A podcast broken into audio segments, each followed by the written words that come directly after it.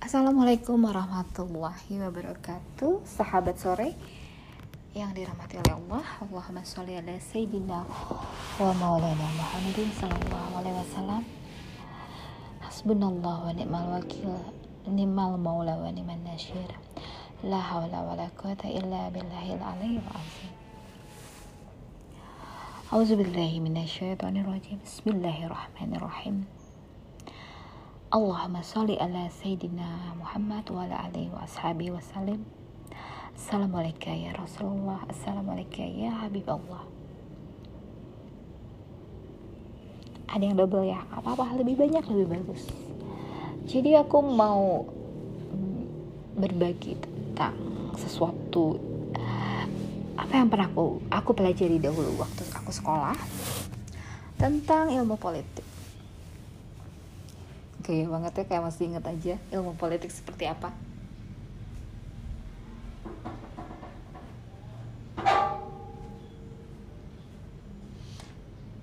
ah aku memindahkan dulu kursi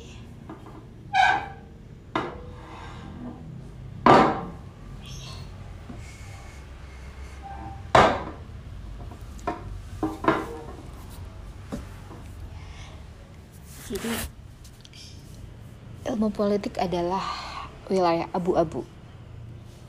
Kita itu nggak bisa uh, melihat sebuah realitas sesuai dengan apa yang kita pikirkan. Jadi ilmu politik itu banyak sekali hal-hal yang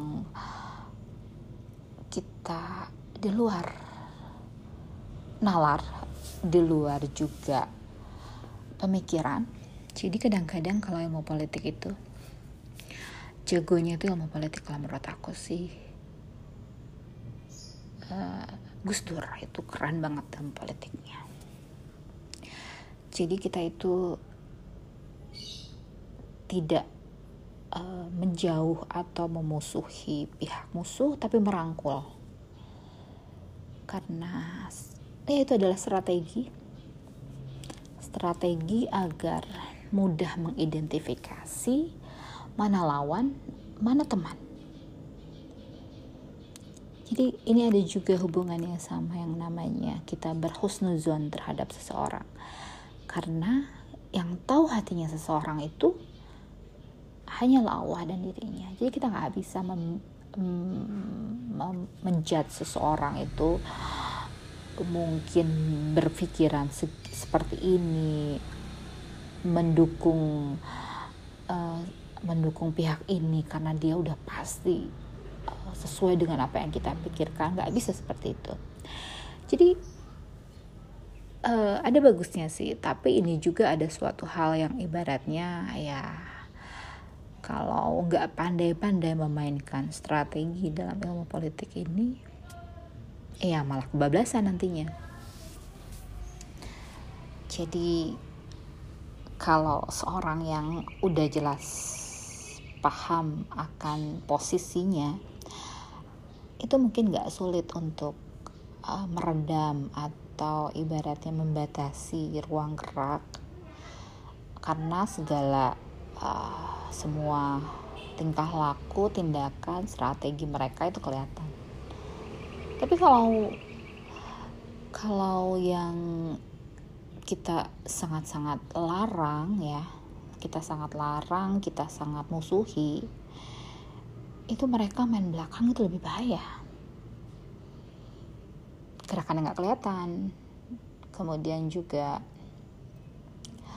uh, orang-orangnya juga nggak tahu siapa gitu. Tapi kalau dibuka di open gitu itu kan kelihatan siapa saja. Yang kira-kira memang berbasis sesuatu yang mungkin bisa dikatakan ber, bersilangan atau berbeda dengan kita. Ini itulah keragaman dalam hasanah eh, pemikiran. Intinya tidak keluar daripada syariat dalam arti hal-hal yang sifatnya memang Allah haramkan, Allah larang itu harus ada penegasan memang. Namun untuk hal-hal yang abu-abu seperti ini selama itu tidak ber tidak menyinggung masalah syariat nah itu mangga menggawai lah. Kalau bahasa Sunda gitulah ya. Ya itu adalah uh, ilmu seni ilmu politik yang sangat sulit untuk ditebak sangat sulit untuk diprediksi. Kita hanya bisa ya untuk orang-orang awam seperti kita ya misalnya cuma mendoakan saja agar segala langkah bisa uh, lebih terkontrol lebih bisa diantisipasi lebih bisa dijaga. Ya memang sih kelihatan ya jadi kelihatan nih siapa yang memang dia berhaluan A berhaluan B itu kelihatan karena semakin dibuka itu kan kelihatan siapa saja. Tapi ya kalau memang ya itu itu intinya sih sebenarnya kalau sudah menjadi besar kalau sudah menjadi besar kita nggak bisa under control itu yang bahaya. Tapi seseorang seperti Gus Dur kan sudah jelas. Ya dia tahu paham akan bagaimana tentang keputusannya. Ya kita kirimkan doa untuk almarhum Gus Dur semoga diberikan teman-teman surga. Banyak pemikiran-pemikirannya yang keren.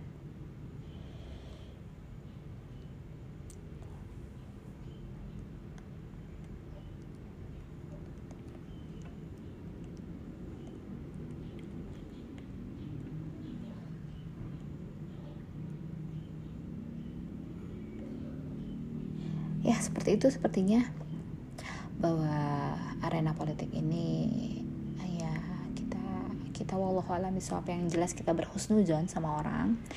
Karena kalau kita berhusnuzon terhadap orang insya Allah balik ke kitanya lagi juga baik. Kalau kita bersuujon terhadap orang ya takutnya uh, malah membuat membuat kita nggak tahu kita nggak tahu hati seseorang.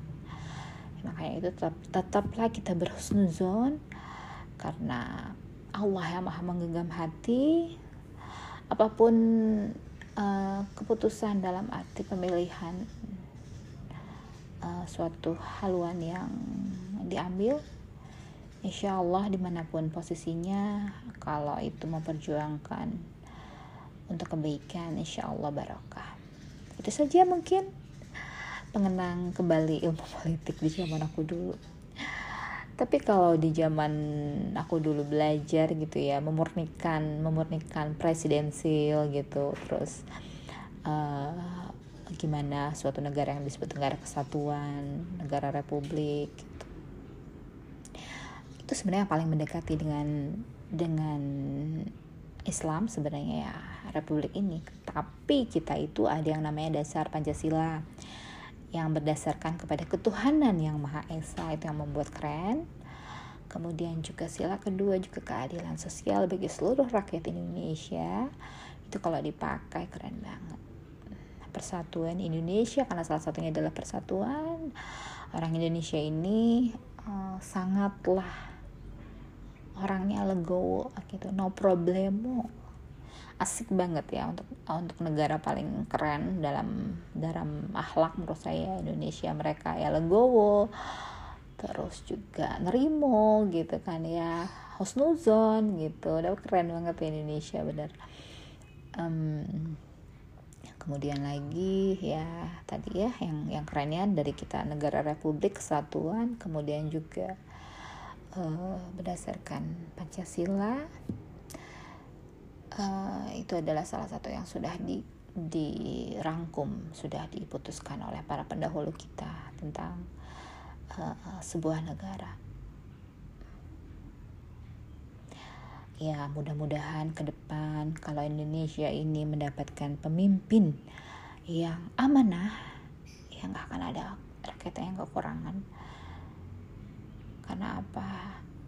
Semua sumber daya alamnya tongkat batu jadi tanaman ya gemah repah jinawi ibaratnya cuma nancepin kayu aja tumbuh di Indonesia itu. Nggak kayak di mana-mana nancepin kayu yang ada bukan tumbuh.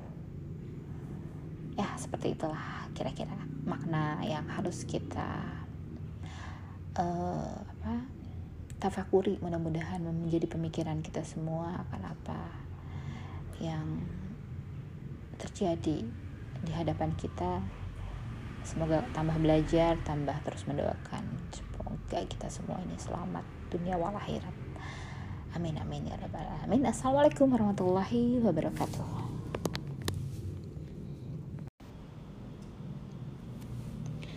Assalamualaikum warahmatullahi wabarakatuh. Alhamdulillahirrabbilalamin Wassalatu wassalamu ala asrafil anbiya wal mursalin Wa ala alihi wa ashabihi Assalamualaikum ya Rasulullah Assalamualaikum ya Habibullah. Aku sedikit ingin Menanggapi tentang sikap abu-abu. Ya, zaman sekarang ini banyak sekali orang yang mempunyai sikap abu-abu. Bagaimana kedudukannya di mata Allah? Bagaimana ini uh, dipandang dalam uh, keberadaannya apakah Allah akan tetap memandang hatinya kepada sikap orang yang berada pada posisi abu-abu apakah posisi abu-abu ini dapat dibenarkan akankah lebih banyak masalahnya dibanding mudaratnya? Karena yang Allah pandang adalah hatinya. Namun sebegitu pedenya manusia untuk menempati posisi abu-abu ini, judulnya ingin menyelamatkan. Tambah tambah repot tambah nanti siapa yang membackup siapa yang membisikkan siapa yang me memberikan nasihat. Kalau bukan kita-kita ini yang berada pada posisi abu-abu. Nah hal ini bagaimana? Bagaimana kita menanggapi hal ini?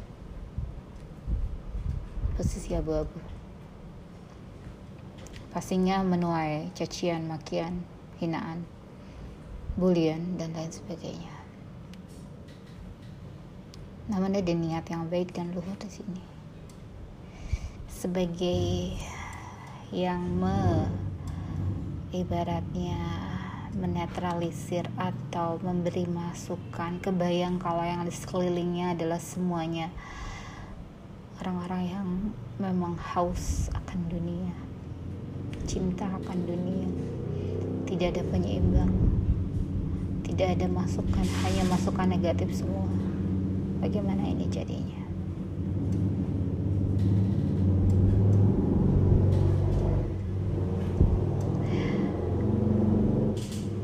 Apakah hal ini dibenarkan? Saya serahkan semua ini kepada yang mendengarkan. Untuk berpikir kira-kira posisi abu-abu ini aman atau tidak? Apakah dia yang akan menyelamatkan? Kalau dia memilih posisi abu-abu ini. Tetap saja Allah yang menyelamatkan. Tetap saja Allah yang akan tidak akan mendiamkan. Penting yang bersikap.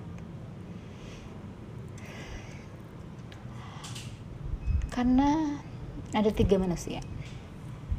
Beriman kafir dan munafik bagaimana posisi yang bersikap abu-abu ini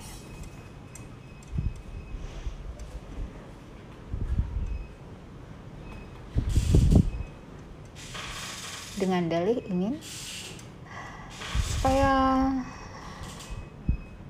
asupan yang diberikan tidak semuanya negatif tapi ada masih unsur positif yang menjadi penetralisir dalam segala keputusan yang diambil.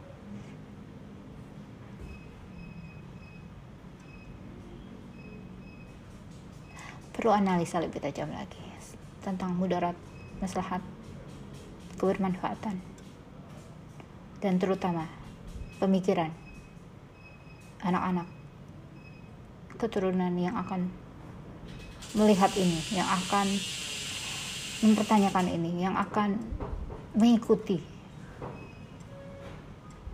Bagaimana ini akan menjadi sebuah yang dikatakan politik.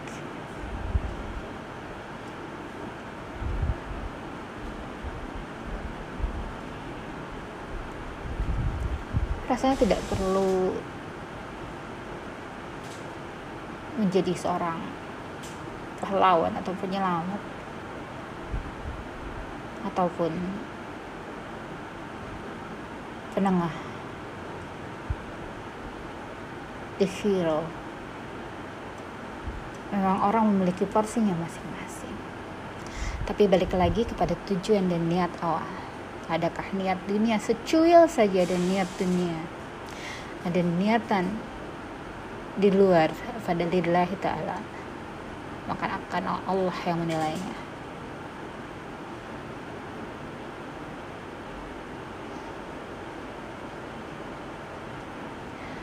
Bagaimana Islam dalam berpolitik Nabi Muhammad mencontohkan segala apa yang menjadi keputusannya.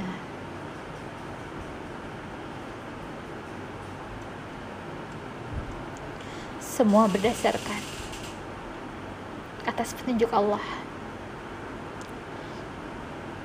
Seringkali Nabi Muhammad Sallallahu Alaihi Wasallam diingkari, segala persetujuan dikhianati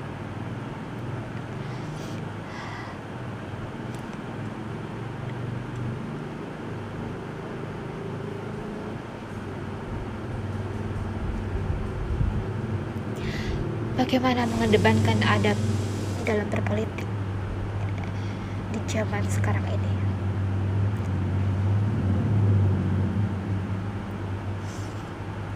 Kaidah-kaidah apakah yang harus kita kedepankan?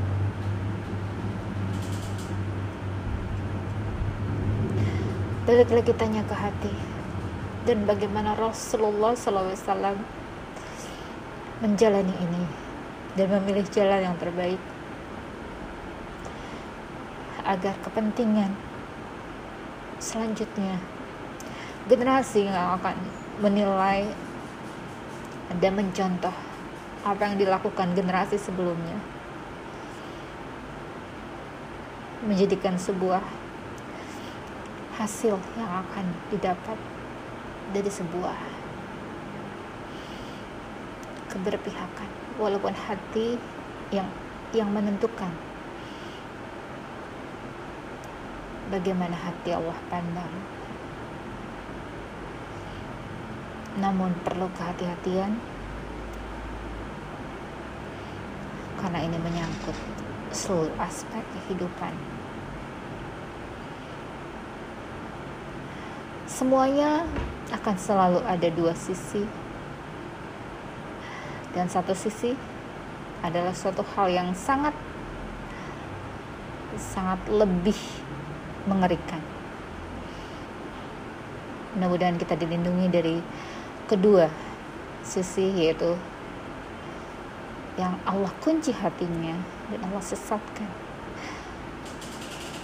Dan Allah berikan satu tambahan penyakit hati kepada orang-orang yang munafik. Nauzubillahi min zalik tetaplah berpegang, berpegang teguh pada pendirian jalan yang terbaik. Sungguhnya dunia ini hanya pilihan. Janganlah bermain-main dalam posisi abu-abu ini. Tanpa dibekali oleh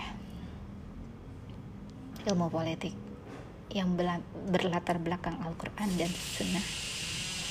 Semoga Allah memberikan jalan terang kepada siapa saja yang menjadikan Al-Quran dan Sunnah sebagai tuntunannya. Subhana rabbika rabbil izzati amma yasifun wassalamun ala mursalin walhamdulillahi rabbil alamin. Assalamualaikum warahmatullahi wabarakatuh.